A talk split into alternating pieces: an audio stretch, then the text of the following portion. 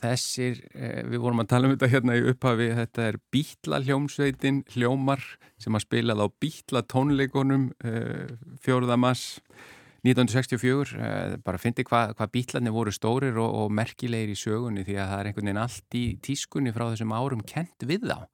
Það er ekki þannig lengur, þetta voru svona sporgöngu aðilar og við vorum að ræða þetta Margrit Tíðinsdóttir er komin hinga sem sérfræðingu þáttarins, velkomin í þáttin. Takk. Þetta, við, sko, þetta eru svo breytir tímar hvað þetta var þar. Í, í dag var ég aldrei farið að tala um Justin Bieber söngvarinn uh, Jón Jónsson eða eitthvað slíkt.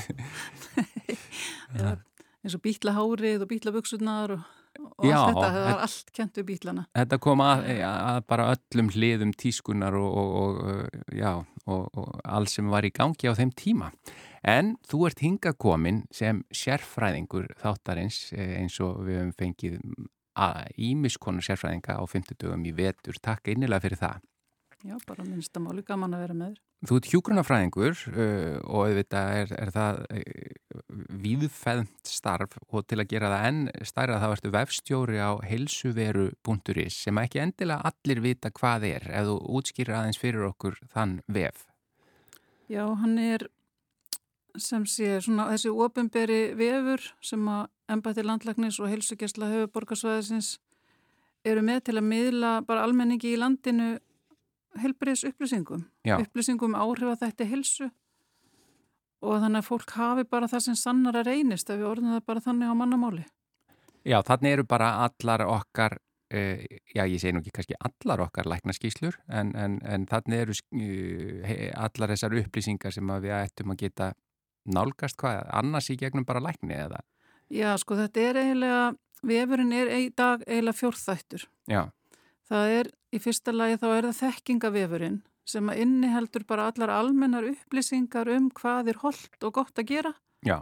Ef þú þart aðstofið að hætta að reykja nota tóbak, þá getur þú fundið það inn á mm -hmm. vefnum. Alls konar upplýsingar um allt sem lítur að áhrifa þátt um helsu. Það Já. er bara opin vefur með fullta fróðleg, líka um ymsa sjúkdóma, frávik og enkenni þar eru við alltaf að bæta í. Síðan er þjónustu vefsjá þar sem við getum fundið hvaða þjónustu er veitt á öllum hérna, helsugjæslu stöðum landsins og hvar bráða þjónustu er að finna. Og síðan erum við með nétspjall sem er líka opið fyrir alla. Og, og fólk getur komið inn á nétspjallið og spurt spurninga á þess að segja upp nafni sitt. Já. En síðan erum við með mínar síður sem er lokað svæði inn á vefnum.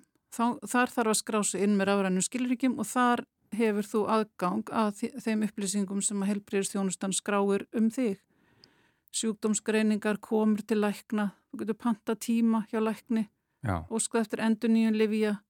Já, þú getur séð livsæðla í þinni kennitölu. Og, og meiningin er að þarna hafi fólk aðgangað allir í sjúkraskránu sinni en það er endar ekki orðið þannig í dag. Já það var stefnan að það yrði þannig 2020 Já. en svo fenguðu bara annað verkefni upp í hendurnar það árið þannig að þetta hefur aðeins frestast Já, það var sem sagt þetta, þetta COVID, þetta litla Já, COVID Já, kom svona smá COVID eitthvað til okkar Já, það hefur nú sett stryk í reikningin á víðast hvar jú, jú. En, en, en það er sem sagt er eh, eh, áætlunin að setja inn miklu, miklu meiri upplýsingar þarna Já, þetta verður þannig í framtíðinni að ég fer kannski til læknis af því að ég er með verki olbóðanum með eitthvað og, og hann skrifa einhverja nótu um þá komu og ég get farið heim og skoða hana.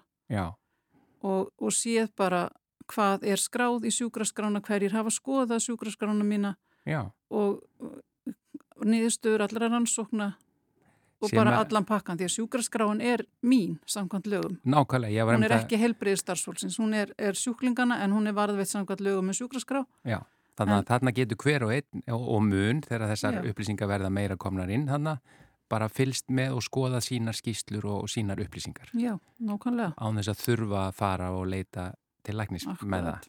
Ég, ég spurði hérna áður en að við fórum í loftið að ég, ég man aldrei í hvað blóðflokki er og ég var að skrá mig hérna inn og var að skoða bara eins mína síður Og, og þú sagðir, já, það er ekki komið inn núna en það sem sagt verður einhvern tíma já. þannig að maður getur líka að tjekka á því.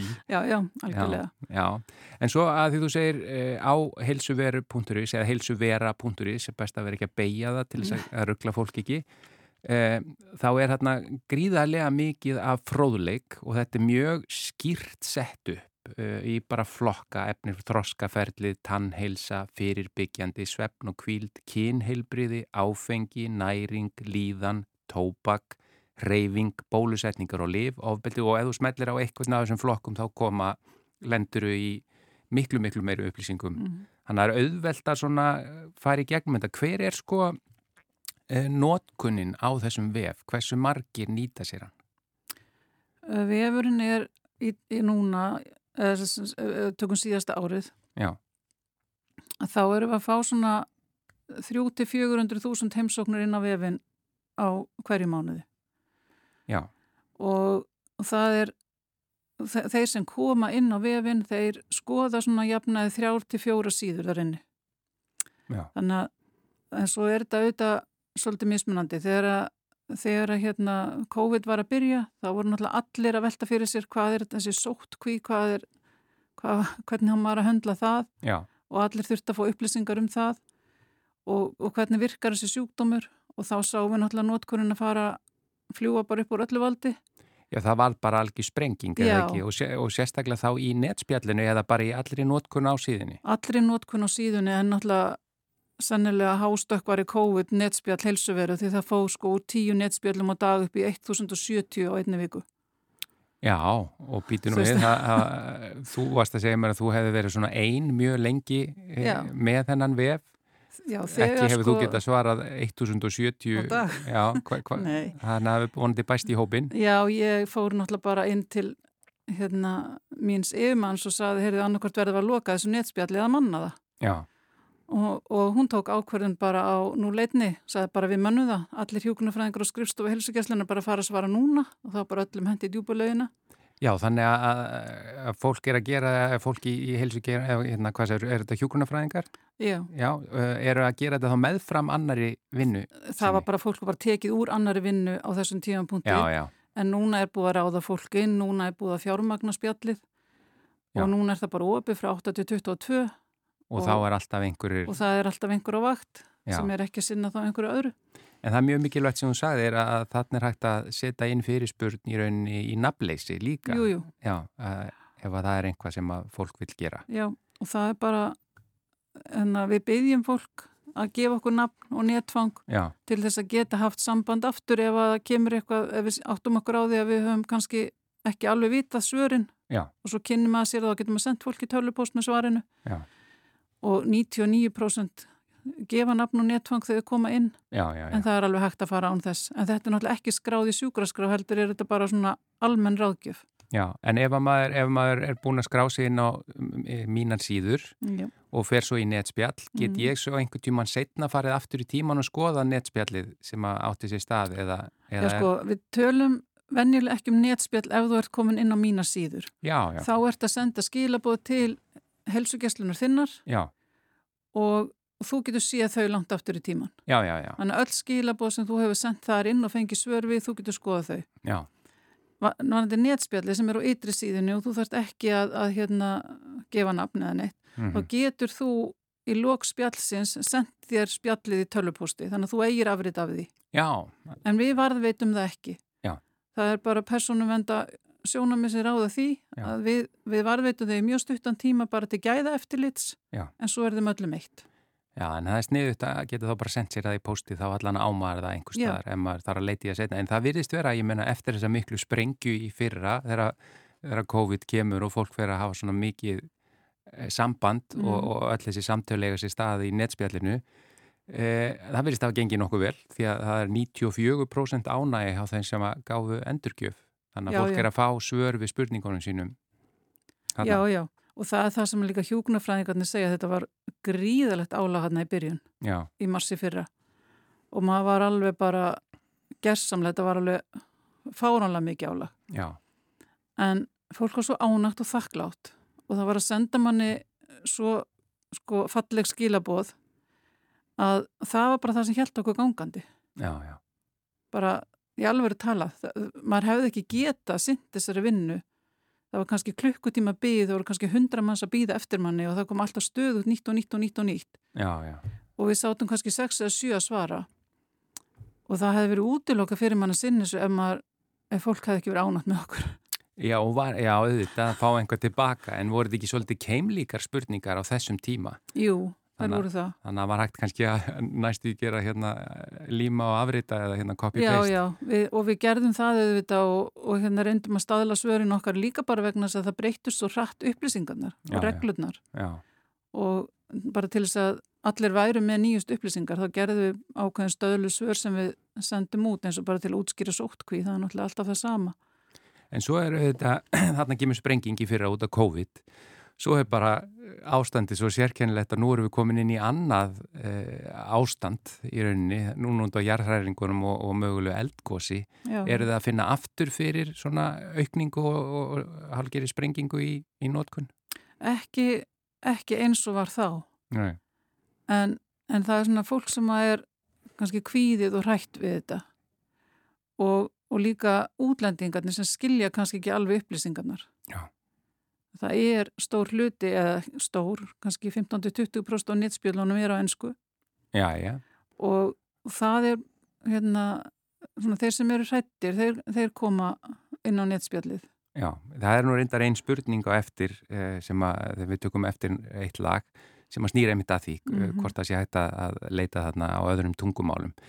En hérna við auðvitað á 50 dögum höfum við verið með sérfræðinga sem hafa verið að svara spurningum hlustenda og þú ert í rauninni bara í þeirri stöðu á hverjum einasta degi og þið starfsfólkið í á helsuveru.is það er að fá sendar inn spurningar og svara þeim.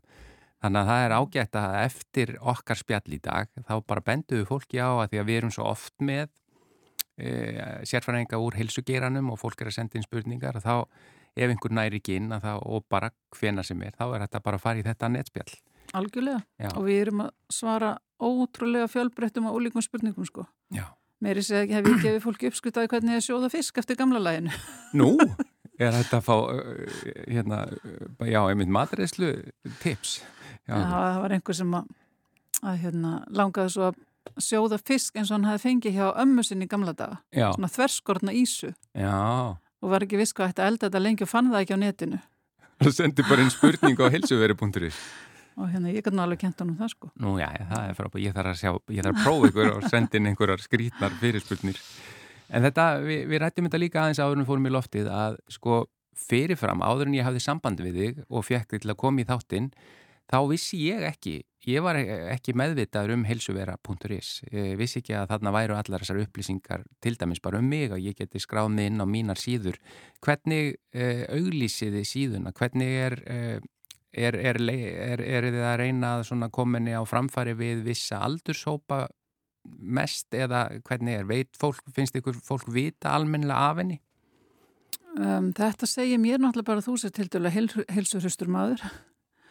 Að flestir sem að til dæmis nota liv fá upplýsingar um það hjá sínu lækni að þeir geti endur nýja lifin þarna inni. Já. og við, þegar að fólk eignast barn þá í meðgöngunni og ung og smábarnavendinni þá er mikið vísa inn á síðan því það er gríðilega mikið fræðslu efni þar inni fyrir hérna, nýbakaða foreldra og verðandi foreldra. Já og eins í skólahelsugjastlunni, hjókunarfræðingar í skólahelsuvend skólabatna, þeir hérna nota síðan heilmikið í fræslutu nefnda en við höfum í raun og veru ekki auglýstana eða kynntana sérstaklega nema kannski kringum áramót þegar hefur verið svona alltaf smá átaka að reyna að fá fólk til að vinna áramóta heitum og hætta að nota tópak Já. eða reykja og það er hægt að faðstofið það inn á, á helsuverðinniðspilinu en, en hérna við höfum bara ekki haft fjármagn í einhverja auglýsingaherrferðir til að kynna hana en, en það er samt þannig að, að stærstir luti fullorðina einstaklinga hafa farið inn á mína síður. Já, og það er, ég minna eins og þú segir líka, ef að maður þarf að leita til heilbriðiskerfisins eða, eða þá, þá fær maður, eða þá er manni yfirleitt benti að fara já. inn á þetta, já, já. sem er kannski rétta bóðulegðin. Jú, jú. En svo líka eins og bara í svona útvastætti eins og núna þá eru við að vekja aðtikla á þessu þannig að vonandi einhverju sem hafa ekki vita að geta kannada. En Margrét Tíðinsdóttir, ég ætla að byggja um að hingra aðeins eh, því að við ætlum að spila eitt lag og svo förum við í það að svara spurningum hlustenda.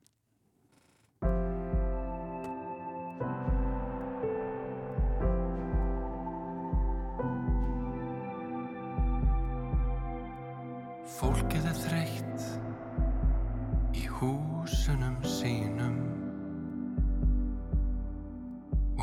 húsin eru þreytt á því. Húmjárnin læsast um lúin hjörtu.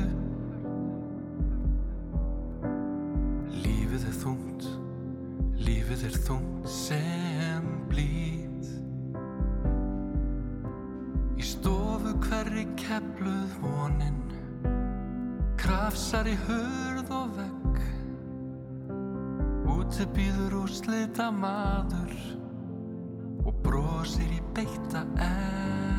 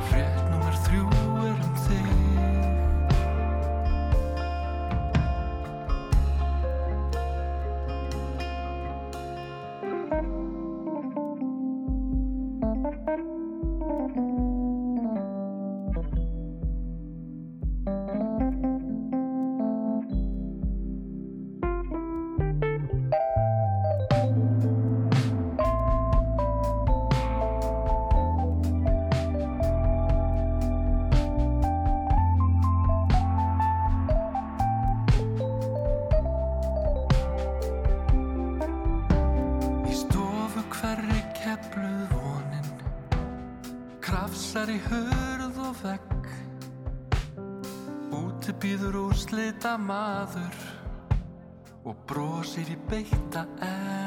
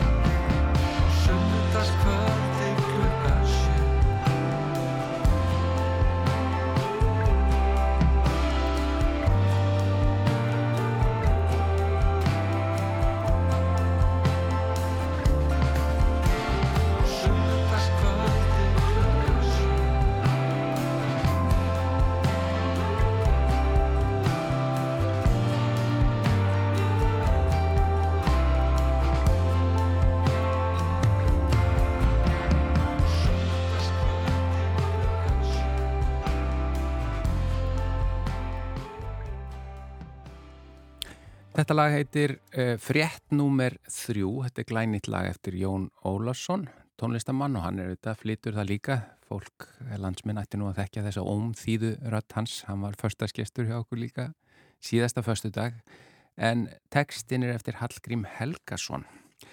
En við erum hér með sérfræðing, það er 50 dagur, það er Margrét Híðinsdóttir, hjúkurnafræðingur og vefstjóra á heilsuveru.is sem að situr hér áfram hjá okkur. Við vorum að spjalla áðan við hana um heilsuveru, best að ég begi þetta ekki aftur, bara til að kom, ger ekki neinn, nein, að fólk ger ekki minnst okkar, heilsuvera.is.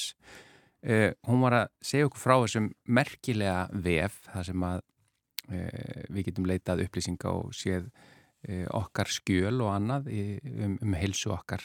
En nú er komið að því að svara spurningum hlustenda. Þú ert tilbúin, Margret? Já, já. Þá segjum við bara 1, 2 og. Hér er fyrsta spurningin. Góðan dag. Hvers vegna hafa ekki allir aðgang að heilsuveru.is? Fólk þarf að hafa farsíma. Hveðja nafnleind. Hvað segir við þetta? Er það, er það svo? Nei, í raun og veru ekki. Það, það þarf ekki farsíma. Þú þarf að hafa rafrænskilríki Mm -hmm. en hérna það er hægt að fá rafrænskilríki í síma og flestir eru með þannig Já, en það er líka hægt að fá rafrænskilríki á korti. Þá þarftu sérstakann hugbúnaði tölvun og korta lesara og þá þarf ekki neitt síma. Já, þá er það svona kortalesari sem hún setur í samband við tölvuna Já, og svo er þetta bara rennuru korti þar inn í Já. ein, eins og bara debit eða kreditkort e, í já læginu eða ég heldur lítið svipað út. Ég hef reyndar ekki séð þau sjálf en, Já. en, hérna, en þetta er alveg möguleiki sem margir er að nota og það er líka algengum miskilningur að það þurfi snjallsíma eða alveg nýjan síma eða rosalega dýran síma. Já, Það þarf alls ekki snjallsíma. Það er alveg nóg að hafa bara spjallsíma já, og, og hérna, þú getur nota rafræn skilriki í hann líka. En þú þart ákveðna tegund af simkortum já, og símafyrirtækin þau skiptum simkort fyrir þau ef þú ert með það gamalt simkort og þú getur ekki notað fyrir rafræn skilriki. já. En þá snýst þetta kannski líka bara um það að kunna að sækja um rafræn skilríki ef maður er ekki komið með þau. Já, og það þarf maður að gera í bankanum. Já, já, já, þannig að vonandi svarar þetta spurningunni. En hér er næsta spurning þá, góðan daginn, er hægt að senda lækni að eigin vali skilaboð? Nú bæti ég hérna inn í, þá er hann væntalega verið að tala um inn á heilsuveru.is í, í netspjallinu. Já, en á mínum síðum. Já, eða er einungis eh, eigin heilsugæsla, eh, á eigin heilsugæslu og heimilisleikni? Já, það er, það er þannig að skilabóðin sem fara frá mínum síðum, þau fara í flestum tilvíkun beint inn á þá helsugjæslu sem maður er skráður á. Já, Geta líka farið á meðferðaraðila á landsbítalanum eins og krabbameinsdeildin og innkirtladeildin eru líka að nota hérna, mína síður og helsuveru í samskiptum við þá sem eru þar í meðferð. mm En þá velum maður bara hvort maður vil senda á, á spítalan eða helsugjæsluna. Og, og á helsugjæslu stöðvunum þá fara öll skilaboð á einn ákveðin starfsmann sem við kallum flokkara já, og flokkarinn sendir svo skilaboðin til viðkomandi helbriðstarfsmanna. Og þetta er bara gert til þess að skilaboð liggi ekki ósvöruð. Já, því að helbriðstarfsmann sem á að fá skilaboðin, hann gæti verið í fríi eða, eða veikur eða komin í námsleifi eða eitthvað. Og þá viljum við ekki að skilaboð sér ósvöruð einhver staðar í pósthólfum. þannig að flokkarinn sér um að Þannig að koma flokkarinn, já, já, hann á sér um að einhvern sem að koma- getur svarað. já, og það er náttúrulega þannig að, að, að flokkarinn eins og allir aðri starfsmennir þetta bundin trúnaði. Já, já, En ef að ég vil bara að minnlæknir fái skilabóðin, þá get ég sendt það í byrjun skilabóðana. Þetta eru skilabóð til míns læknis, já, já, já. Jóa hver, hver sem hann er. Og þá myndi flokkarinn ef að minn læknir er til dæmis í fríi, Já. senda mér tilbaka, læknir þinn er í fríi, kemur eftir tíu daga, viltu býða þanga til eða á ég að senda og afleysara? já, já, já. Þannig að það er í rauninni hægt að byggja um að eigin vali Já, eh, svo lengi sem að hægt er að koma skilabóðunum til hans eða hennar. já, en, en sagt, flokkarinn sér alltaf skilabóðin. Já. Og, og þegar skilabóð koma inn á helsugjæsluna, þá velur flokkarinn þann helbriðstarfsmann sem svarar þeim. Þetta vonandi hefur svarað þessari spurningu, það var að þriðja spurningin. Ég heyrði í fréttum að álægið á spítalan væri að aukast mikið og fólk væri mjög veikt. Getur verið að fólk hafi hreinlega fórnað hilsunni eh, og frestað og sleft að mæta til lækna eða á spítalan vegna annars vegar til að auka ekki álægið vegna COVID og hins vegar uh, af óta vegna COVID. Og mín spurning er svo hvort að þau hjá heilsuveru verði vör við aukning á umferð um vefin eða vitu um meira álag á heilsugæslu. Já, það er náttúrulega þannig að það er mjög margt í gangi á spítalanum eins og venjulega. Já, Og við heyrum náttúrulega reglulega af því að það er mjög mikið álega á bráðamótöku og, og, hérna, og spítalinn er að reyna að fá fólk sem er með verkefni til úrlausnar til að mæta frekar á heilsugjæslun heldur en bráðamótökuna. já, Ef heilsugjæslan getur list málið þá er betra auðvitað að fara þangað. En það, við, við höfum haft áhyggjur af því að, að fólk fresti því að fara til læknis út af COVID en það er ekkert sem bendir til þess í dag að svo hafi verið. En auðvitað er það þannig að það er engungu tíminn sem leiðir það í ljós hvort að það var þannig eða ekki. já, En það er ekkert sem bendir til þess í dag og í gegnum allt COVID-ferlið að þá var heilsugjæslan að sinna fleira fólki heldur en hún gerði venjulega já, já. þar á undan. Þannig að það er rauninni ekki vísbendingum. Nei, og þó að fólk gæti ekki komið eins mikið í tíma og hitt að þá uh, voru, tóku við miklu fleiri símtöl og viðtöl heldur en venjulega, sko. Já, Þannig að við, við teljum ekki að það hafi verið þannig að COVID hafi frestað greiningum og alvarlegum sjúkdómum. Nei. Það er nú gott, ég vona að þetta hafi svarað þessari spurningu. Þá er að næsta, getur maður fengið öll liv endur nýjuð í gegnum heilsuveru.is eða verður þetta alltaf að fara til læknis? Mér finnst til dæmis fáránlegt að hjúgrunafræðingar get ekki ávísa livjum, þær hafa alveg þekkingu til þess. Já, sko við náttúrulega, það er þegar fólk sendir ósk um livja endur nýjun inn á mína síður, þá er það læknir sem fær óskina og hann ávísar lifinu. Já. Þannig að það er alltaf læknir sem ávísar lifir og það er bara, það er bara lög í landinu sem að hveða á um það. Já. Og, og hérna, lifin sem hægt er að endunni eru bara þau lif sem fólk er, er áreglulega.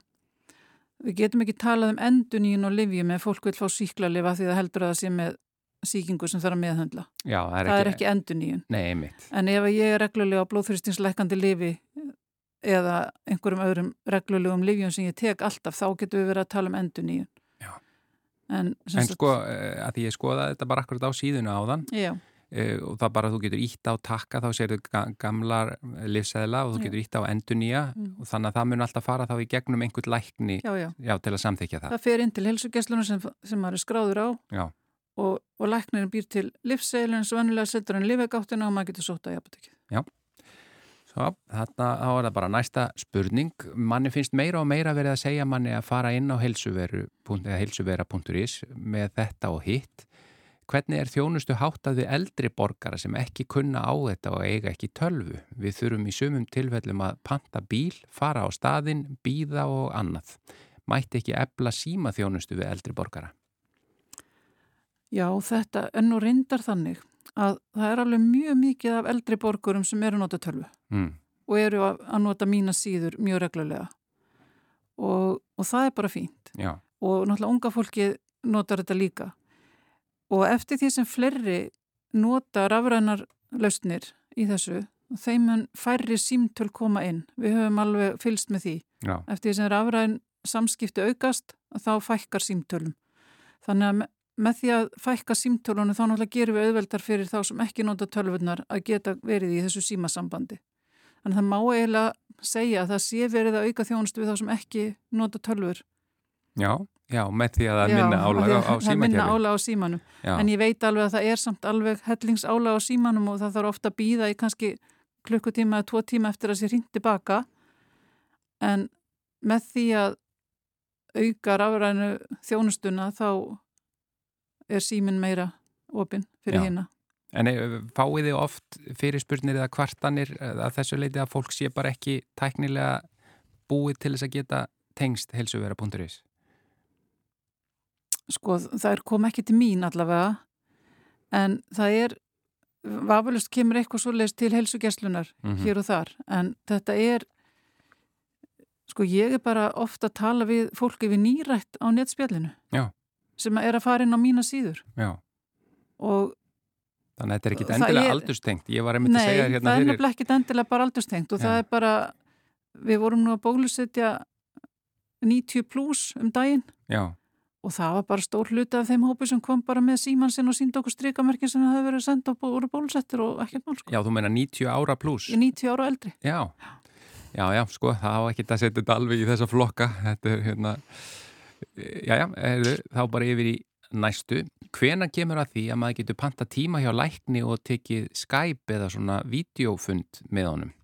Með við allt það sem að er orðið hægt og COVID hefur sínt að er hægt, er þetta ekki næsta skref ef maður vill velja það stundum að það myndi spara manni bílferðina og fleira og oft er þetta bara samtal milli sjúklings og læknis en auðvitað fer maður ef maður til að vill láta líta á eitthvað sérstakt sem sagt að, þurfi ekki að mæta á staðinn bara taka, Já, þessi mögulegi er náttúrulega til í dag. Já, að taka fyrir mynd, hendi. sín, mynd símtal. já, Fer að vísu ekki gegnum Skype og Teams, heldur í gegnum hérna, sjúkraskrákerfi sem heitir Saga já, og mína síður. Þannig að maður skráður sinna mína síður. En til þess að, að hérna, undir heilsuvera.is já, já, þar, er, getur þú farið í svona já, það er hægt, Já. en það eru ekki allir læknar og heilbæriðstarfsmenn að nota það. já, Það þarf náttúrulega að vera þannig að sá sem að allar að vera á hinum endanum á línunni sem vilja að nota. já, Í, í dag er það þannig að það eru margir sálfræðingar að nota þetta og, og þetta er hægt og þetta, þetta er öruglega eitthvað sem á eftir að bara koma aðeins meira. já, Við erum náttúrulega með flest heilbriðið starfsfólk menta til þess að tala við fólk augliti til auglitis. Já. En þessi tækni er til, þessi, leið, þessi leiður eru til Já. og ef að minn læknir vil nota þetta þá getur við spjalla saman í mynd símtali. Já, þannig er ekkit sem kemur í veg fyrir þetta Nei. það þurfa báðir aðalega að vera tilbúinir í það Já. Já, þá er það hérna, þetta er spurning nummer sjö. Ég er að velta fyrir mér þessu með helsuvera.is ef maður fyrir netspjallið og ber fram spurningu eða fyrir spurning tengda helsunni minni og fæ vonandi góð svör, segjum sem svo ég þurfu svo aftur síðar að leita í netspjallið ykkar, jafnvel í framhalda því sem ég hafi rætt þar áður, mun ég fá þá sama ráðgjafan sem þá þekkir til minna mála eða þarf ég að byrja alveg upp á nýtt að útskýra minnar aðstöð, aðstæður, sögu og ástand því maður lendir svo oft á byrjunareit og þarf að segja alla sólasöguna aftur og aftur. Já, það eru millir 20 og 30 hjúkunarfræðingar sem að svara netspjallinu á helsuveru í hverju viku þannig að það er ekki líklegt að þú farir aftur til sama ráðgjafa nema að þið mælið ykkur bara mót. Já. Það er náttúrulega alveg hægt að gera það. Getur þú beðið um ráðgjafa með nafni eða? Já, ég, ef, ef að ég væri til dæmis að taka spjall við þig Já, og, og við, við værum að fara í gegnum eitthvað saman sem að þú ætlaðir að prófa og, og hérna ég get sagt við já ég er aftur á netspjallinu á mánudagskvöldi þú getur komið inn þá. Já, en það er svo sem ekkert algengt að við sem að vinna það þannig. Og ef að fólk er með til dæmis langvinnan helsuvanda sem að þarf hjálp við þá er náttúrulega eðlilegur að svo hjálp komi frá helsugjæslunni já, og að maður sé þá í samskiptum við hjúkunarfræðing á helsugjæslunni sinni sem að þekkir það málið manns og getur tala við aftur og aftur. já, já. Ok, þetta, og þá er bara síðasta spurningin. Eh, Þú ert að, að rulli gegnum þetta hérna. Uh, komið sæl, nú eru tvær samstarfskonum mínar erlendar, uh, önnur frá Breitlandi og hinn frá Pólandi og við erum allar í kringum sextugt. Geta þær borið upp fyrirspurnir á helsuvera.is þar að segja er þjónustan fyrir fólk sem talar ekki íslensku. Því þó þær skilji nokkuð vel og eru alltaf að verða betri og betri þá finn ég á þeim að þær eru ragar við ímislegt af hræðslu að skilji ekki nógu vel. Já, eins og kom, kom inn á þarna aðeins fyrir í þættinu að það eru 15-20% netspjallana sem fara fram á, á ennsku. Já, Það er auðvitað mismunandi hvernig tungumála þekking hjúkunarfræðingana er en sumar þeirra er að tala önnur tungumál og geta tekið netspjalla fleiri tungumálum heldur en ennsku og íslensku. Það geta allar tekið á ennsku og, og svo er náttúrulega þýðinga forrið orðin þannig að þau eru alveg næjanlega góð til að geta verið í þessum samskiptum. Af því að flestir sem er að tala við okkur á ennsku er ekki með ennsku að móðumáli. já, já. En, en það er hérna já, menna, það geta allir komið þarna inn og við getum notað ennskuna Já, og, og einhver þýðingaforrit til að hjálpa okkur ef á þarf að halda. Allavega að láta reyna á það. Já, við finnum alltaf einhverja lausni sko. Já, þetta var bara síðasta spurningin og þannig að Margrét Híðinsdóttir, hjúkurnafræðingur og vefstjóri á helsuvera.is þakkaði kærlega fyrir að vera sérfræðingur mannlega þáttarins í þetta sinn. Þetta var bara stórglæslegt og, og við bara bendum fólki á einmitt þessa vefsíðu helsuvera.is. Þannig er hægt að, að nálgast flestar upplýsingar sem tengjast helsunni og manni sjálfum. Já, bara takk fyrir mín var ánægin.